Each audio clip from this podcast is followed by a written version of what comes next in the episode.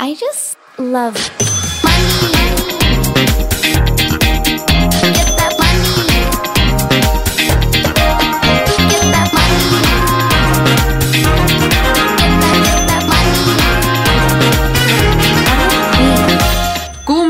Og velkommen til en ny episode av Karrierekvinner podcast.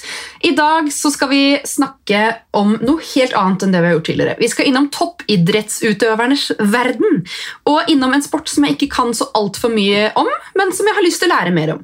Eh, Jeg regner med at vi er flere som gikk på dans i barne- og ungdomsåra, eller som stirrer beundrende på bevegelsene til alle de fantastiske danserne i Skal vi danse.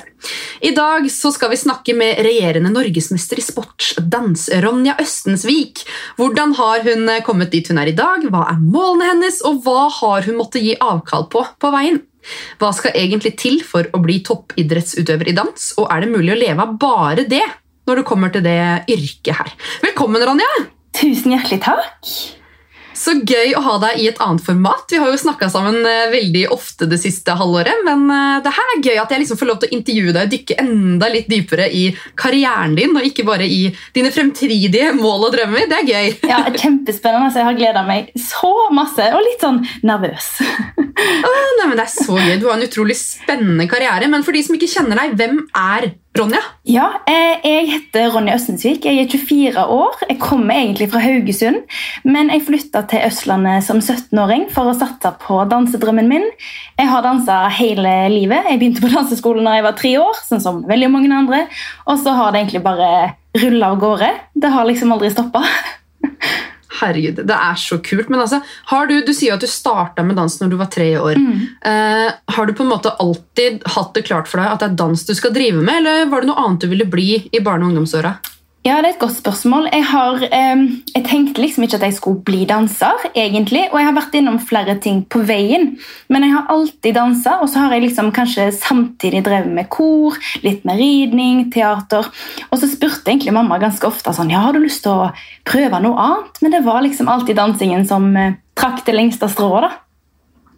Herregud, så gøy. Nei, men Da har du kanskje hatt en sånn liten visjon fra du var liten? da, så det... Altså indre, indre driv. Men altså, når var det du skjønte at shit, jeg er god? Oi, ja. Eh, det, det kom og går litt, nei da.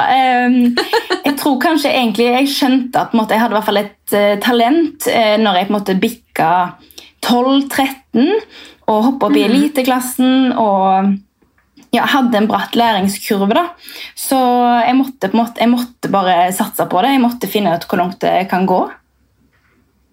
Men det er jo litt kult at du fant ut det når du var sånn, ja, altså når du begynner på tenåringsalderen. fordi eh, det er jo da de fleste kanskje slutter, når de blir mer interessert i gutter og begynner å feste etter hvert. og sånne ting. Har du, har du hatt tid til å ha liksom en sånn vanlig ungdomstid samtidig, eller har du liksom satsa så hardt fra 13-årsalderen at du allerede da har begynt å liksom gi avkall på ja, alle de der utageringene man kanskje gjør da i tenåra?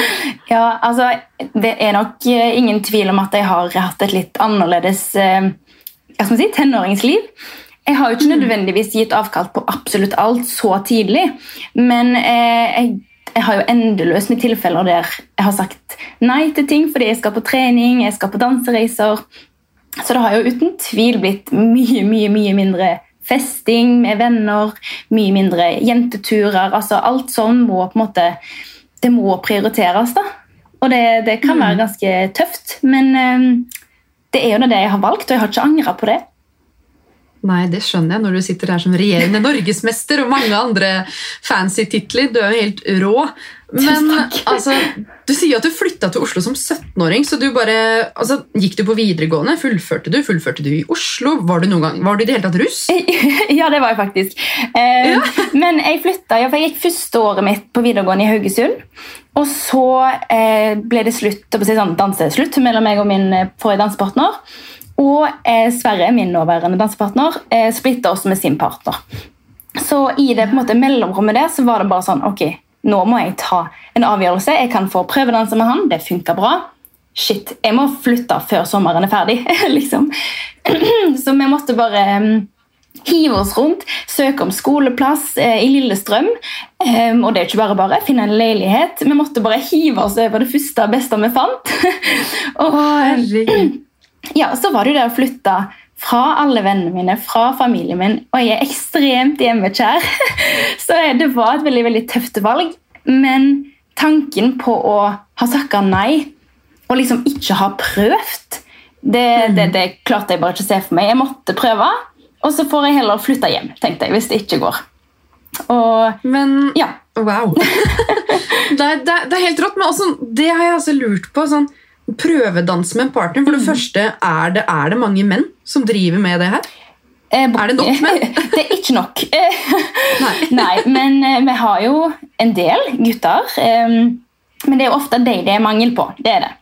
Eh, Så jeg var kjempeheldig, for han er jo ett år eldre enn meg. Vi har kjent hverandre eller visst hvem hverandre var fra vi var sånn ja, 12-13 år. Så vi klikka jo ganske fort, og prøvedansingen gikk bra. Vi har hatt samme trenere, så vi hadde litt samme stil. Og så Ja, men det er jo litt sånn kleint. Du, du skal jo liksom helt, helt, helt opp i et annet menneske.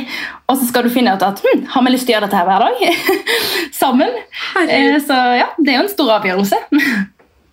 Og han bodde da, eller kommer da fra Østlandet. Mm. Så du, altså du sier jo at du kjente den litt, men du har, du kjent den, du har møtt den typ på sånne større arrangementer. Ja. For du har jo mest sannsynlig ikke hengt rundt med han i Haugesund. jeg tro. Eh, men hvordan finner du liksom at ok, nå skal jeg fly til andre sida av landet og prøvedanse med en fyr, og hvis det funker, så flytter jeg? Altså, det høres jo ut som et sånn 90 Days Fiancé-opplegg, hvor du bare Hvis det funker, så kaster jeg alt og drar, liksom. Ja, ja, men, eh, jo, men det kan man absolutt sammenligne det med. Em, det er jo litt sånn rart, dette miljøet, for for oss er det jo helt normalt. Folk flytter jo eh, altså, eh, over landegrenser. Eh, folk eh, prøvedanser med folk fra hele verden. Altså, det er et helt sånn sinnssykt miljø, og for oss er det jo helt normalt. Det er jo Selvfølgelig skal jeg prøvedanse med en dude fra Østlandet. Altså, sånn, sånn er det bare. Det høres jo nesten ut som en litt sånn småarrangert ekteskap. Sånn Ja. der, Du er flink, du er flink, dere har lik stil. Ja, nå skal dere to sammen. nå. Ja, ja men eh, Vi pleier også å si at eh, dansepar er som gamle ektepar. Uansett om de er sammen eller ikke. da. Fordi man er så mye sammen, eh, så man blir liksom ja, et gammelt ektepar. Men så når du da kom til Østlandet som 17-åring, Mm. og du fant kjemien med han her da, det var greit jeg skulle danse med han her hver dag, Mm.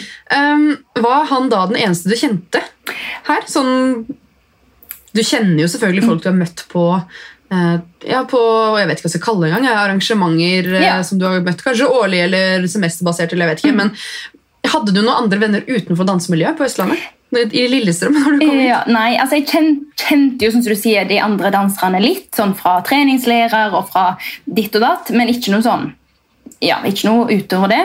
Og så kjente jeg jo trenerne veldig godt, for jeg har hatt de samme trenerne at de har reist til Haugesund. Eh, men eh, jeg, eh, jeg når jeg begynte jo på videregående da, i andre klasse i Lillestrøm, kjente ingen. Eh, og jeg er jo ikke sjenert, men jeg husker at jeg syntes det var ganske tøft, faktisk. Å liksom skulle starte helt på nytt uten noen venner, liksom. Jeg har jo alltid hatt med meg noen liksom, hele veien i Haugesund, så det var litt sånn, det var skummelt. I hvert fall i andre klasse. En ting er første hvor folk kanskje kommer fra forskjellige skoler, og sånn, men du bare, det ble litt sånn Hei, hei, første skoledag. Ja, ja, for du må liksom hoppe inn i en hva som du kaller det, en kohort som allerede er liksom Ja, ja. sammensveisa. Sånn. De kjente jo andre, de hadde gått et år på skole sammen allerede, og så kommer jeg inn og bare Hallo! Herregud. Det, er tøft gjort som 17-åring, men altså, det jeg syns er så kult da med hele den der Ronjas univers Du er jo på sosiale medier og hele pakka, og dansepartneren din heter Sverre, men det folk kanskje ikke vet, er jo at Sverre ble jo kjæresten din, og er fortsatt kjæresten din. Ja, det stemmer. Ja, Vi, eh, vi klikka jo ganske fort. Um, og jeg flytta jo i da 2014, og vi ble sammen august det året. Så jeg flytta over i sommeren, og så var vi kjærester da i august. slutten av august. Så det gikk ganske fort. Eh, og det var ikke alle som var så fornøyd med det. Em, for da var det litt sånn Ok, ja, shit, nå har dere blitt kjærester. ok, ja, men Når dere slår opp, så må dere jo da finne en ny dansepartner og begynne hele denne prosessen på ny. Eh, men her er vi jo snart sju år senere. Eh, så ja, sju år har rast av gårde. Herregud, det er helt rått. Men Nå skal det handle om din karriere, men jeg må bare nevne at jeg synes det er så kult at dere danser sammen, dere bor sammen, altså dere jobber sammen. Dere gjør alt sammen. Og likevel så er dere fortsatt ikke lei av hverandre. Det er en uh, Ja, eh, Det høres ut som Mission Impossible, men ja. Ja, nei, altså, jeg vet ikke. Altså, I starten så tror jeg det var mange som trodde vi skulle slå opp. Eh, for det er ganske heftig å være sammen altså uten å overdrive, omtrent 24 timer i døgnet. Eh, men på en eller annen måte så har vi på en måte lært oss å funke sammen. For akkurat nå så er vi jo både samboere, vi har samme jobb på dagtid, vi har samme jobb på kveldstid, og vi trener sammen. Vi sover sammen. altså Vi er, vi er oppe hverandre hele tida. Um, men ja, jeg vet ikke, det, bare, det funker for oss. Og faktisk, korona har jo gjort at vi er enda mer sammen, og det har vært veldig bra for oss. på en eller annen rar måte. For da har vi fått litt tid til å bare være kjærester. Det er fort gjort å gå i en sånn Ok, vi er kollegaer, vi er dansepartnere. Det er selvfølgelig utfordringer på dansegulvet. Eh, og det å liksom klare å skille på Nå er vi hjemme, nå er vi kjærester, og nå er vi dansepartnere. Eller ja, hva enn vi måtte være. Herregud, men er det normalt at Altså jeg forstår jo, Du ser jo til og med bare på Skal vi danse hvor mange romanser er det som ikke har oppstått der. Men når man er så tett sammen, er det vanlig at man eh, har en romanse eller blir kjæreste med dansepartneren sin i det miljøet der? Både og, vil jeg si. Eh, jeg føler du har enten sånn type søskenforhold, at man blir skikkelig close, men mer sånn, ja, som et type søskenforhold. Og så har du de som ikke kan fordra hverandre. og, så, og så har du de som blir kjærester, på en måte. Så du, altså, og alt imellom. Men um, det er nok normalt fordi man er så tett oppå hverandre. Og jeg husker bare når jeg hadde kjæreste utenfor dansingen, så er det ganske vanskelig for noen som ikke har vært i dette miljøet, å se, si, se deg så tett på noen andre, for man er jo virkelig tett på. Uan, altså, uansett hvordan man vrir og vender på det. Så um, det kan nok være tøft å ha en si, utenforstående kjæreste. Ja, nei, det kan jeg se for meg. Men uh, altså Du har jo mange hva skal jeg si, oppnåelser, plasseringer som du kan skryte av. Som sagt, regjerende norgesmester i altså sportsdans, men dere kaller det noe annet. Tidans? Eh, vi er norgesmestere i tidans, og det vil si at eh, hvordan skal jeg forklare dette på en enklest mulig måte? da? Vi har, vi har to greiner, standard og latin. Standard er liksom de med sånn lange kjoler når man står helt inntil hverandre. Og latin er mer sånn litt høyere hæler, kortere kjoler, eh, samba-rytmer og sånt. Eh, så kan man enten konkurrere i bare standard eller bare latin, eller begge to. Så vi er da norgesmestere i alle ti dansene sammenlagt. Oi, nå fikk jeg gåsehud. Det er sykt. Takk, tusen takk. wow! Da tenker jeg bare, Når får jeg se deg på Skal vi danse? Ja, det får bli etter vår eh, profesjonelle karriere. jeg håper jeg. Men jeg kommer til Skal vi danse etterpå, så det er bare å si fra. Skal vi danse, så kommer jeg. Nei, men Det må være som mål. Men ok, Du har jo snakka litt om hva det har krevd av deg i ungdomsårene å komme dit eh, du er i dag. Du har jo gitt avkall på litt jenteturer, litt eh, festing kanskje. Du flytta tidlig fra familie og venner, starta på nytt. Eh, I tillegg så er det jo en krevende sport, og veldig mange dokumentarer nå som jeg har sett, den handler veldig mye om livet bak veggene i generelt barne- og ungdomsidretten, men også i turn og dans. Har du noen gang opplevd noe ukomfortabelt eller hendelser som du kanskje ser tilbake på som ikke ok? da? Eh, ja, det har jeg. Og um, hva skal man si, det som er litt sånn skummelt, er jo at man ser seg veldig blind. Eller sånn, Man er så vant til ting at man kanskje ikke reagerer sånn som man burde. Men jeg har jo opplevd alt fra å bli bedt om å slanke meg, eh, til å altså bli, bli hengt ut, eh, eller at noen liksom trenere fra utlandet også liksom hilste til deg og bare 'Å, forresten, du må gå ned fem kilo.' Liksom. At det er helt sånn eh, ja. Herregud. ja. Det har jeg hørt mye om, at trenere fra kanskje spesielt eh, Russland og landene rundt der, at de blir leid inn da, til Norge. Og så har de en helt annen pedagogisk måte, hvis man kan kalle det pedagogisk i det hele tatt, og å trene opp folk. Eh, men okay, du har blitt bedt om å slanke deg. Hvorfor, hvorfor er det så himla viktig hvis kroppen fungerer og du gjør det du skal, og du Herregud, du har jo klart alle altså, målene du har satt deg. Så hvorfor, hvorfor er det så viktig? Ja, det kan du si. Um, altså, det er en veldig estetisk sport. Man går jo gjerne i tettsittende kjoler, man går i korte kjoler, alt sånt. Um, og hvordan det har blitt sånn, det er jo et spørsmål i seg sjøl. Men og sånn som du sier, det har nok en annen mentalitet i utlandet. Men når du er på et måte, høyt nivå, sånn som vi er, så er det utlandet man konkurrerer mot. Um, Mm. Og vi har jo helt fantastiske trenere fra utlandet også, som bare er helt, helt amazing. Men så treffer du på ja, disse som har en helt annen mentalitet. Der det er greit å altså Alt fra å slå til å ja, tar bare liksom Hei, hei, ja, eh, slank deg. så man, det er jo ganske kvast noen steder. Em, og kan være ganske altså, det, det er jo ikke tvil om at det er mange som har slitt eller sliter med spiseforstyrrelser. Når man konstant blir minnet på hvor tynn man burde være. Men har du selv, du sier at du blir bedt om, om å slanke deg. Jeg vet ikke hvor ofte det har skjedd, men har du kjent på et sånn ordentlig kroppspress pga. den bransjen du har vært i? Har du sett andre jenter som har slitt? Altså, hvordan, hvordan har det vært da, opp igjennom? Eh, det tøffeste jeg noen gang har fått beskjed om, som gjorde veldig inntrykk på meg, var at eh, Oi, nå brister stemmen her. Nei da. Eh, når jeg, det var ganske tidlig etter jeg hadde flytta.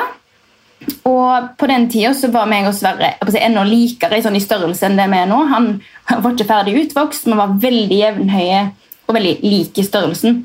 Og da fikk jeg en gang beskjed om at eh, jeg måtte slanke meg, eller så gir de Sverre til noen andre. Oi! Ikke at noen kan bestemme det, det er jo på en måte opp til oss, men jeg husker bare at jeg ble sønderknust. Jeg var ung, eh, og når du er 17 år og får beskjed slank deg sånn helt uten videre, så reagerer man jo med å slutte å spise. Eh, Heldigvis så hadde jeg jo Sverre eh, tett på meg, som oppdaga det veldig veldig fort og fikk liksom røska det i rota. Så det utvikla seg heldigvis ikke til noe veldig alvorlig. Men jeg tror nok at eh, 90 eller mer av alle dansere har en eller annen form for spiseforstyrrelse, eller har hatt det da, i løpet av karrieren. Det. Jeg har sett mange som har kommet grinende ut av timer fordi de har blitt bedt om å bli tynnere, eller, ja, eller som har sluttet å spise. Så man må liksom passe på hverandre, da, for det er et litt sånn sykt miljø av og til på noen fronter. Men også nå vet man jo, det sies jo hele tiden når det er snakk om spiseforstyrrelser, at det er en av de sykdommene man aldri blir frisk fra. At det er en sånn, Hvis du først har fått den mentaliteten uh, inn i hodet ditt, da, så kommer du alltid til å ha en eller annen type forstyrrelse når det kommer til mat. At du alltid kommer til å tenke på hva du spiser, og veldig nøye på det her med balanse. og sånne ting. Men hva tenker du bransjen kan gjøre annerledes? Burde det vært, altså, er det noen form for tilsyn? Kan man klage til noen på trenere? Hvordan fungerer det hvis det er noe man er misfornøyd med? Da? Eller er det sånn at man, hvis du klager, så blir du liksom uglesett og mister noe? Er det så, Ja, et, et, Hvordan funker det? Godt spørsmål. Jeg syns dansingen generelt har litt altså Det har jo med at det er en liten sport, da, som har et lite um, apparat rundt oss. Vi har jo ikke sånn som ski, som har en fysioterapeut der og en lege der. og liksom, altså Ja. Dream. Eh, ja, nei, det har vi jo ikke. Så det er jo på en måte hva skal vi si, Vi har veldig gode trenere. I hvert fall nå Kjempeflotte, fantastisk flinke trenere. Men dansemiljøet mangler noen som har kunnskap innenfor ja, mer sånn ernæring, den type ting. Og jeg er, ganske, jeg er i hvert fall enig i det du sier, at jeg tror nok alle som har kjent på det, at det sitter igjen. Og jeg tenker jo at miljøet må ta en litt sånn opprøskning i å ha fokus på det å være sunn og ha en sterk, frisk kropp. For i det sekundet du har fokus på slanking, så blir du også du blir syk. Du skader deg. Du presterer ikke godt. Altså Du går jo bare på en smell. Det er jo absolutt ikke sånn en idrettsutøver skal holde på. Nei, ikke sant. Jeg så jo Altså, Når var det? Var det når Christian Stranden dansa? Var det i fjor i Skal vi danse? Hvor den ene proffdanseren hadde kommet tilbake typ fire uker etter fødsel. eller noe sånt. Hun så jo bare helt fantastisk ut. og Bare det å liksom gjøre et poeng av det, da. Hvorfor hun kanskje var litt større enn de andre. eller, Det er fordi hun nettopp var født, men altså det bare Nei, det er eh, en fantastisk fin sport, men jeg kan bare se for meg at det ligger så mye sånn estetisk press bak det. da. Ehm, men hva er det du Altså, En ting er jo det at man kanskje trenger noen som har litt mer fokus på ernæring. og de tingene her. Men hva kan man som samfunn gjøre? Du sier jo selv at det er en sport som kanskje ikke har det store støtteapparatet. da. Ehm, altså, For det første, Føler du at Norge satser på dans som en sport? Nei, og herlighet kan noen sende dans på TV igjen. altså, altså Før da, Norge har vært et så fantastisk godt land i dans. Eh, altså Trenerne våre og måte den generasjonen var helt amazing. De var i verdenstoppen. Og så har det vært en liten sånn hva skal man si, en dal, en dupp, med få utøvere og, liksom, og få gode resultater. Det har vært noen da. Så jeg føler nå egentlig at Danse-Norge er på vei opp igjen. Men altså, uansett, vi hadde liksom VM i Norge for noen år siden, og det blir liksom ikke Det blir sendt på NRK2 kanskje klokka to på natta. liksom. Altså, det er ingen ikke sant? fokus. Det har jeg ikke hørt om engang. Nei, nei, sant. Og eh, bare hvis vi har fått et godt resultat, så det er omtrent ingen aviser som har lyst til å skrive det engang. Nei, Det har jo kanskje litt med det å si da, at støtteapparatet rundt kanskje svikter litt, da, fordi Norge ikke satser på dans som en eh, sport på lik linje som de gjør med ja, fotball, håndball, eh, ski. Mm. men hvilke personer annet enn ernæringsfysiologer hadde du savna å ha der når du var kanskje yngre, mer usikker? Mm. Det, altså, når jeg var ung, eller sånn, når jeg var yngre, så, så, så tror jeg på en måte ikke at jeg savna noe av det. Men det var først egentlig når jeg flytta her, var sånn 17-18-19, at jeg skulle ønske vi hadde inne både eh, fysioterapeuter, er det noen som kan være som skadeforebygging, eh, kanskje til og med noen leger, Olympiatoppen. Vi har jo hatt de inne en gang iblant, men jeg skulle ønske vi hadde et mye mer tett forhold, og noen som hadde fokus på å bygge oss opp. Bygge oss opp til å ha en sterk kropp, en god helse, som vi kan prestere godt. Jeg husker som Det gikk opp et lys for meg for et par år siden. Vi presterte så dårlig på konkurranse. altså Det var altså skikkelig krise. Og så liksom ser vi litt tilbake på hva, hva er det vi har gjort. Ja, Vi har jo spist altfor lite. Og bare ved å liksom snu det litt om, ok, ha fokus på å få i oss mer mat, mer riktig mat, så gikk det jo altså Kurven skøyt. Og det var bare et lite sånn Ok, vi må spise litt mer. Ja, ikke sant? Skru litt grann på det ene hjulet der, så er vi der. liksom. Ja, ja, og det er jo bare litt. Så tenk liksom hvis vi hadde hatt noen som kunne lært oss mer. Masse. ja. Men um, altså det her med Norge og satsing Du har jo sagt til meg tidligere at dans er en lidenskap, og at det skal ganske mye til for å kunne leve av det i Norge, og at du egentlig ikke ser på det som en jobb i seg selv, fordi det er så mye utgifter i tillegg. Ja. Eh, Selv om du er på toppnivå. Men hva skal faktisk til da for å kunne leve av dans i et land som ikke støtter dans som en eh, internasjonal toppidrettssport? For mange andre toppidrettsutøvere lever jo av det de gjør. Mm. Hva, hva, hva Ja. tenker du skal til for å kunne leve av det her? Altså, jeg tror ikke det går an å leve av det i Norge. faktisk. Fordi man tjener ikke penger på å danse i seg sjøl i det hele tatt. Det kan være du får, det hender vi får litt landslagsstøtte til hvis vi skal på EM eller VM, at vi kan få dekka noe av reisen og sånt. Men utenom det så betaler vi for alt sjøl. Absolutt alt. Eh, og det er ikke en billig sport. Men det man kan tjene penger på i Norge som danser, er å undervise og eventuelt bli leid inn til show og den type ting. Men det å være toppidrettsutøver innenfor dans er er det ingen penger i. Med mindre du blir så god at du gjør det veldig bra i utlandet. Der er det pengepremier å hente. Men du eh, har jo andre jobber også. Ja, Du underviser jo i dans, det gjør jeg. eh, men du er også lærer. Eh, Ja, jeg er ikke utdannet lærer, det er jeg ikke, men jeg Nei. jobber på ungdomsskole. Jeg jobber i administrasjonen og som vikarlærer, og det samme gjør Sverre, så vi har en, ja, en liten fast stilling der og, og masse vikarjobb. da. Så vi er jo så heldige med den jobben, fordi at det å kombinere en vanlig jobb med at ja, utenom korona da, at man plutselig skal reise i uka til Litauen, og så skal du i uka til Russland. Og så, Det er ikke så lett å kombinere med en vanlig jobb. Du kan ikke ringe til jobben og bare du, jeg skal danse i uka. Ha det! Ja, ikke sant? så Som har vært kjempeheldige og har bare verdens beste dagjobb. da. Åh, så godt å høre. Men du har jo da, da har jo du flere bein å stå på. Én ting er jo det her med dansen, men som du sier, lidenskap istedenfor jobb. Mye utgifter. Jeg vet ikke om det går i null i det hele tatt. Det går i Eh, minus. Ja, ikke sant? basically, ja. Herregud, det er helt sykt at man liksom har oppnådd så mye regjerende norgesmester i tidans, og ja, likevel liksom må ha mange jobber ved siden av. Det, du er flink, men du underviser også i dans, og så blir du booka inn til å danse som underholdning. Men der blir man kanskje ikke satt så stor pris på, eller? Åh, herregud, eh, Vi har um, mange interessante historier der. Vi har ikke tid til alle de nå, men sånn generelt da, så er det jo det at folk eh, tenker de betaler for ja, det kvarteret vi skal danse, da, eller hvor lenge de ønsker. Men vi har liksom blitt av og til tilbudt 500 kroner for et show. Og da er jeg litt sånn Ok, okay, ehm, ok, men da har jeg kanskje dekka transporten, da. Altså, Ja. Jeg tror på en måte ikke folk skjønner at eh, Hva skal man si? Vi må jo ha betalt for jobben vi har gjort for å komme hit der vi er. At vi har lært oss å bli så gode. Vi trener hver dag. Og i hvert fall hvis folk har lyst på et show, så vi må ta timer ut av vår tid til å lage et show.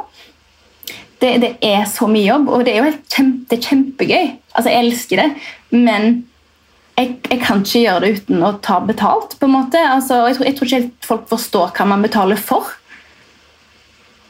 Nei, det er sikkert veldig vanskelig å prise seg òg, da. Det er litt sånn som når vi har hatt eh, Equal Agency har hatt sånne clubhouse-rom, så er det liksom Det er tre yrker da, som er føles umulig å prise. Det er fotografvirksomhet, eh, kokke- og bakevirksomhet. Altså bake en brul altså Ja. sånn bryllupskake da, som tar liksom 100 dager og mye ja, penger. Altså, det er, hvordan skal man prise det? Og det her med å utføre eh, ja, sportsdans, for Ja. eksempel. Eller, ja, Alt sånne typer hvordan, hvordan skal man prissette det hvis man skal booke noen? Hvordan, Ja. hvordan i alle dager prissetter man noe sånt kreativt som ikke er et fysisk produkt? Ja, Hadde jeg visst svaret på det, da tenker jeg det hadde vært bra. Nei, jeg tenker jo bare at man må altså, Først og fremst så må jo alle utgiftene bli dekka. Altså, når folk eh, tilbyr deg mindre enn det det koster å komme deg dit, så, så er det jo en helt syk ubalanse. Så tenker jeg bare at man må se på ok, hvor mye jobb er det lagt ned i dette her. Eh, For hvis du regner om til timebetaling, så er det jo ingenting. Så man må på en måte ja, Jeg tenker man må sammenligne litt timene som er lagt ned i produktet, og betale for selve produktet. Så man må ikke, Jeg leste noe på Instagram i dag. faktisk, da var det sånn, jeg lurer på om det var en elektriker eller et eller annet, som var liksom Ok, jeg tar én dollar for å klippe over riktig eh, vaier, eller sånn. Ledning. takk. Ja. ledning. Men jeg, betal, jeg tar meg 1000 dollar for å vite hvilken ledning jeg skal klippe over. Fordi han har jo da masse utdanning, så man vet aha, den skal jeg klippe over. Det er jo ikke klippingen man betaler for. Det er jo for sikkerheten sant. at han vet at aha, den skal jeg klippe over. Ja. Kult. Ja, det, forklarer, kult. ja, det forklarer jo veldig godt at eh, ok, du betaler ikke meg for å komme og danse sambaen min. Du må også betale meg for at jeg har lært meg denne sambaen og kan, og kan vise deg denne dritkule sambaen i min Mm. fantastiske kjole. liksom. Som du også har kjøpt! Som jeg også har kjøpt, og sminka og hår og alt. Å, herregud. Nei, men ok, Så spennende karriere. Har, kan du, har du noen soleklare opp- og nedturer som du tenker liksom, det der er det verste jeg har gjort, og det her er det beste jeg har opplevd? liksom? Eh, jeg kan begynne med de beste, da, egentlig fordi de kommer til meg sånn med en gang. Eh, og det er jo egentlig faktisk noen av de beste opplevelsene jeg har hatt, er i Norge. Å få danse på NM og bare der publikum er helt med. Altså Man føler seg bare helt fantastisk når man er forberedt. Får danse for et publikum som er med, god musikk. altså Det er en helt fantastisk følelse.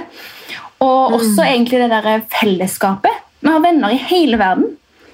Å få reise rundt og treffe Du treffer liksom, ah, der er danseparet fra Frankrike. hallo, liksom, Så treffer man de på flyplassen. Og, altså, det er bare helt sånn sykt kult miljø.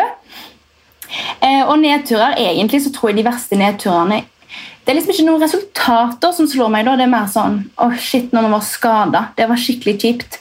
Eller når vi var sjuke.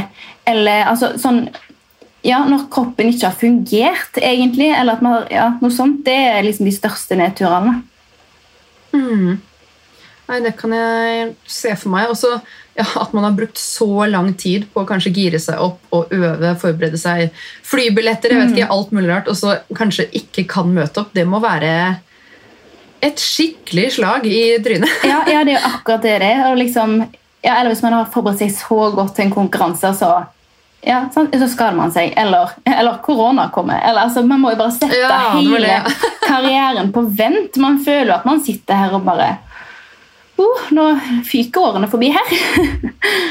Ja, men, ja, for hvordan Er det Er det sånn at man har liksom et visst antall år som man på en måte er i business? hvis man kan si det sånn? Ja. Eh, Trine Deli Kleve er kanskje ikke fortsatt liksom ute og konkurrerer. Nei da. Altså, Um, altså, man må jo, hva skal man si Og det er andre tider nå, skal også sies. Dans har blitt mye, mye mer eh, hva skal man si, toppidrett enn for Det som er vanskelig med dans, er jo at det er en blanding av kunst, scenekunst og idrett. Um, Og altså nå i hva skal jeg kalle det, moderne tider så er det mer og mer idrett. Samtidig som man tviholder på kunsten. Da. Men poenget er at det er mer fysisk krevende. Og jo mer fysisk krevende det er, jo kortere kan du holde på. Så det kommer helt an på hvor lenge kroppen tåler det. Men jeg vil kanskje si at eh, man har toppen ofte. Da. De beste er ofte sånn 27-28, rett under 30, liksom. Og så har du de som bare er dritgode til de er 35. Altså, Ok, Så det er liksom 35 er en liten sånn jeg tror, det er ikke så mange som holder på lenger enn det. I topp. Åh. Ja. Men hvordan er det å ha en sånn lidenskap og ha en sånn altså Kall det jobb, da, selv om du kanskje ikke blir eh, superrik på det. Men altså ha en sånn jobb som du vet har en deadline. Ja, eh, Egentlig så har jeg ikke kjent så mye på det før jeg innså Nå, ja, ja, før jeg innså at sånn, eh, Oi, jeg blir 25 neste år. Da er jeg i midten av 20-årene. Jeg er ikke lenger i starten av 20-årene. Så man blir jo litt Ja, sånn jeg nærmer meg begynnelsen av 30, så Ja, hysj ja. med deg. Ja, ikke sant? Ja, men det, det slår deg litt sånn plutselig sånn Oi. Men samtidig så er det litt sånn jeg vet ikke, Det er noe med å klare å ta et steg tilbake og nyte prosessen. Fordi i de periodene man blir for opphengt i resultater, i, altså, så, så er det mer sånn stress enn det er gøy. Man må klare å fokusere på arbeidsoppgavene og faktisk at det er gøy. Og det er det ofte man glemmer. Man går inn og trener, og det er tungt, og det er resultater, og så går det bra, så går det dårlig. Og så, men vi elsker jo å danse. Vi elsker å danse, og det er så viktig å huske på. For det, ja, det er fort gjort å glemme det oppi all stresset, liksom. Ja, men Da må man jo bare fortsette da, etter man fyller 35, som du sier, å danse eller å dømme, eller hva enn man Ja. gjør, i tillegg til en uh, Ja, altså, da, annen jobb. Men Ja. Jeg tror ikke noen liksom, som har vært i dansemiljøet, det er ganske få som liksom er helt ute. Man vil liksom alltid ha en fot innenfor. For det er et veldig kult miljø. Veldig mange blir dommere, trenere. altså Den dagen jeg pensjonerer meg, så tenker jeg jo at vi har vår egen danseskole. Ikke sant? Pensjonere deg. Uh, bare det ordet der, pensjonere deg om typ ti år. Men ok, egen danseskole, er det liksom er det målet ditt når alt det her på en måte er over? Altså, og dette er litt sånn skummelt, egentlig, men målet mitt er egentlig på en måte å ha en karriere som jeg er stolt av, og det ligger det så mye i. For selvfølgelig, jeg har jo dødslyst til å bli verdensmester i tidans. For eksempel. det er jo et sånn stort resultatmål. Men det å eksempel bli huska for å alltid lage god underholdning eller alltid skape god stemning eller, altså, fordi Det er jo noen dansere som blir huska, men, men de var alltid sure. eller de var eh, altså, Eller fordi de krangla med partneren sin på hver konkurranse. eller altså, Man blir huska for sånne, sånne grunner. Og jeg vil, jeg vil være en sånn positiv kraft da, i miljøet. Så om det ender med at jeg blir verdensmester eller ikke, det er på en måte altså selvfølgelig, Jeg har jo lyst til det, men, altså, det, ikke, men det er ikke det viktigste. Det er at jeg skal gå jeg pensjonerer meg med en følelse av at jeg har gjort alt jeg kan. Jeg har vært tro mot meg sjøl. Jeg har vært et godt forbilde. Det er det kjempeviktig for meg. Og, ja. og så får vi jo bare se hvor, hvor lenge det varer. At jeg holder meg frisk, at jeg holder meg skadefri. Den type ting. da. Ja, altså Det lurer jeg litt på sånn under pandemien. Hvordan holder man seg trent og sunn og balansert og når man ikke vet når man liksom skal starte igjen? Nå skal jeg gi deg svaret. Nei da. Eh, Gjerne. ja, nei, altså, vi har eh, tenkt at eh, vi forholder oss til alle konkurransene som er satt opp. Og så mm blir det jo avlyst. Eh, men Så vi trener oss opp til alle konkurransene som er satt opp. Og det er jo ganske tøft både for psyken og kroppen. Eh, men samtidig så tenker jeg at vi, for oss er rutiner veldig viktig. Samtidig som vi har klart å ta et steg litt tilbake og for jobbe litt dypere med teknikken og litt mer sånn grunnleggende ting. Eh, som man kanskje ikke har tid til da, til vanlig. Altså, det har vært eh, både fint, men nå begynner det å bli veldig kjipt. Vi har hatt én konkurranse liksom på vi hadde, ja, vi hadde jo NM selvfølgelig i fjor, i november, der vi, der vi vant. Så det var jo helt fantastisk. Det er så bra at det ble gjennomført. Ja, herlighet. Og det var, det var en nedstengning mandagen etter. Jeg, bare, jeg var så stressa for at noen skulle ta fra meg NM. Jeg bare Nei! Jeg skal! Jeg skal! Eh, Men vi har jo ikke hatt noen konkurranse siden. Så ja. Herregud. Nei, du er helt rå. Men bare sånn på slutten for å gi litt sånn tips og triks og verdi til de som hører på, da, som kanskje enten de er unge det, Vi har faktisk en del unge mennesker i uh, ungdomsskole og videregående åra. Kanskje noen av de driver med dans. Mange er jo foreldre. Mm. Ja. Uh, Blant annet jeg har jo lyst til at Lea En ting er ridning, men jeg vil jo også pushe henne til dans, for jeg er jo også en av de Welcome, som welcome. dansa Yes! Åh, du skulle bodd i Svelvik. Eller Ja, Drammen. ja, ja, men vi kan flytte Men- på oss. Ja, ja, ikke sant? Det bare, kan dere bare flytte Ja, hit? ja, ja, ja. Lage en liten norgesmester av Lea. Men uh, hva vil du si til de som har lyst til å gjøre det samme som deg, da? Og potensielt kunne leve av det? Hvilke, hva må man gjøre hvis man driver med dans allerede? Liksom, Å komme seg dit, da. Jeg tenker jo at det første hva si, det første og viktigste er på en måte at man har lyst. Det skal være lystbetont. Og det vil ikke si at det er gøy hele tida, for det er det ikke. Ingenting er gøy hele tida. Du kommer til å treffe på utfordringer, men hvis man har den der grunn, hva skal man si, den lidenskapen i bånn, så er mye av jobben gjort. Og så tenker jeg at eh, man må ikke være redd for å be om hjelp. Eh, Det er noe jeg har lært veldig nå i senere tid. At eh, man, ja, man kan gå fort alene, men lenger sammen.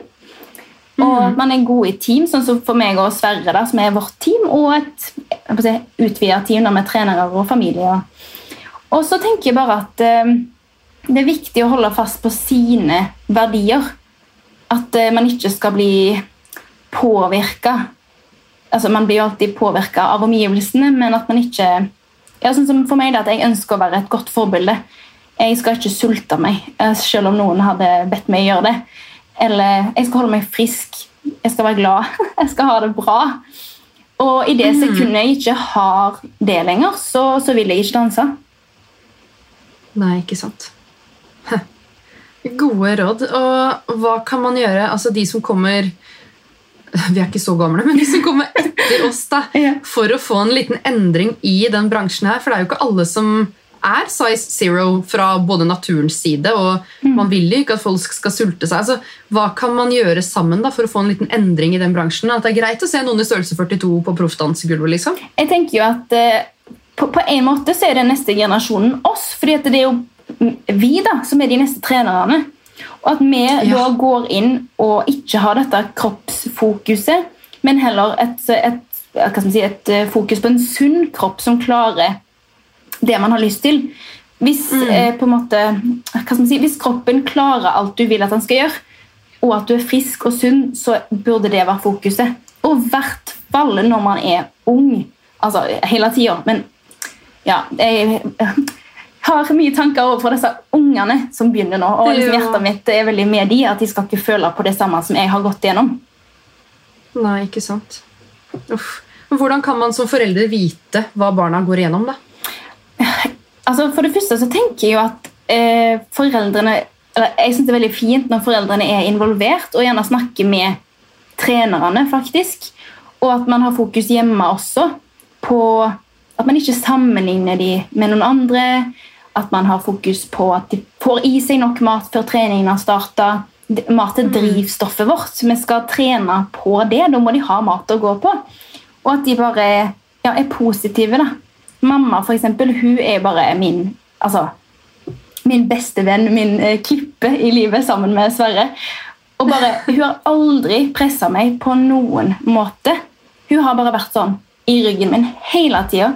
Sånn, 'Dette klarer du, jeg har tro på deg.' Og hvis det går dårlig, så er hun der til å liksom ta imot. Løfte. Ja, Ja. Og bare Og den der, hva skal man si, grenseløse støtten. Det er bare sånn, Uansett hva som skjer, så er jeg her for deg.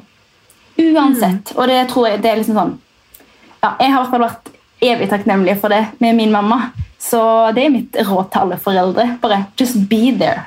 Ja. Åh, deilig å høre.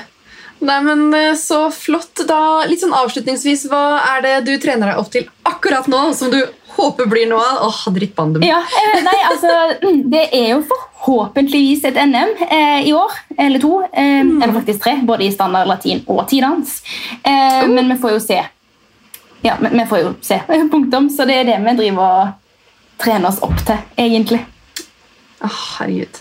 Nei, Du må fortsette å trene. Jeg ønsker deg så masse lykke til med, altså, med dansekarrieren. Med forhåpentligvis en danseskole som jeg eh, stolt og trygt kunne sendt Lea til. Eh, og det vi jobber mot sammen, sosiale medier. Ja. Du, yes. altså De som lytter, finner jo Ronja på Instagram under Ronja Ostensvik, hvor hun eh, deler masse dans og litt sånn bak fasaden, kule dansereels med Sverre. Altså, Det er så kult. Tusen Hele den derre Ronja og Sverre-bobla. Velkommen inn, velkommen inn. Velkommen inn. Nei, men alle sammen, gå inn. Følg Ronja Ostensvik på um, Instagram. Uh, og så må vi alle sammen bare heie. Girls supporting girls. Og så heier vi Ronja inn i NM og kanskje også inn i VM. Vi må jo krysse fingrene for det, Ronja. Oh, yes. Tusen.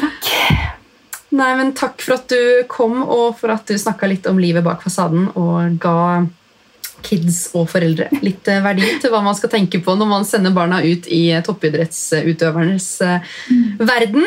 Og til deg som lytter, husk å følge Karrierekvinner, Equal Agency og Benedicte Haugård. Og trykk gjerne abonner hvis du har lyst til å få med deg en ny episode hver eneste mandag. Takk for at du joina, Ronja. Tusen takk for at jeg fikk komme. Og så sier vi ha det bra, og takk for i dag. I just love